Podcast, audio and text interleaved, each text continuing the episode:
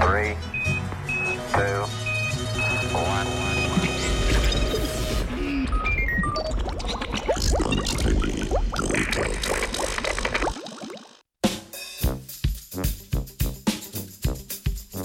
Pozdravljeni, učenje ptičjega petja.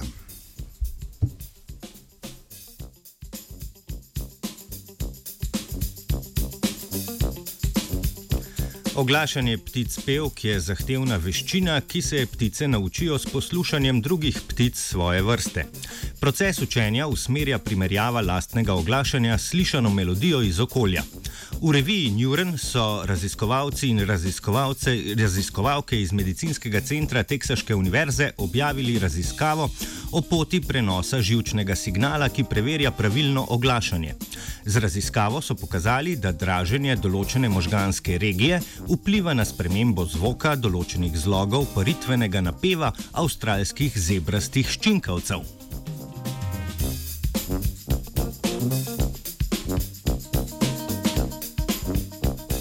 Proces učenja petja pri pticah je podoben procesu učenja govora pri ljudeh. V obeh primerih gre za ponavljajoče akcije in sprotna preverjanja, če je bil proizveden zvok dovolj podoben slišnemu. Katera pot žilčnega signala služi preverjanju in usmerjanju ponovitve, še ni točno znano. V raziskavi so preverjali, kako na učenje vpliva projekcija signala iz ventralno-tegmentalne regije srednjih možganov v bazalne ganglije, ki sprožijo motorično pot oglašanja.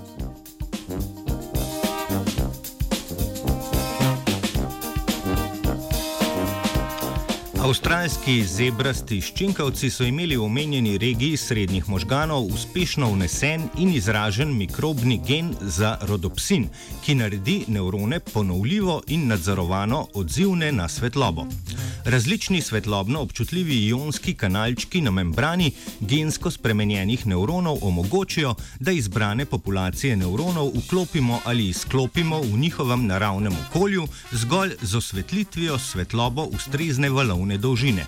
To metodo, ki jo je leta 2010 revija Nature Methods izbrala za metodo leta, imenujemo optogenetika.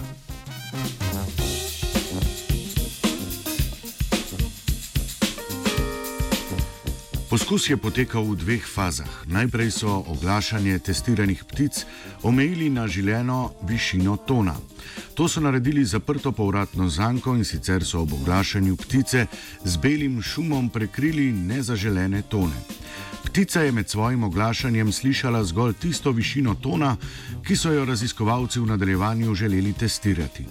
Na ta način so omejili ptiči napev, da so ga v nadaljevanju lahko nadzorovano spreminjali z draženjem živcev svetlobo različnih valovnih dolžin.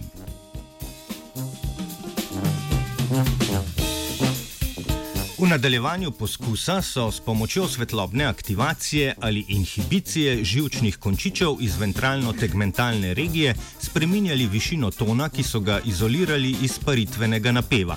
Aktivacija in inhibicija sta imeli obraten učinek na učenje napeva, iz česar avtori sklepajo, da je pot žilčnega signala iz ventralno-tegmentalne regije do bazalnih ganglijev temeljna pri usmerjanju učenja oglašanja. Spremembe, ki so jih dosegli s pomočjo optogenetike, pa so bile začasne in natančne. Spremenili so lahko zvok napeva v časovnem intervalu med 100 in 200 milisekund, medtem ko je preostali del melodije ostal enak.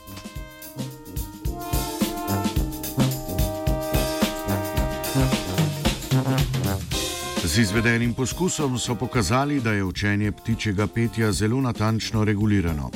Slušno informacijo prejme regija srednjih možganov, jo analizira in ovrednoti ter pošlje do bazalnih ganglijev, kjer se pretvori v čim natančnejšo kopijo izvedbe.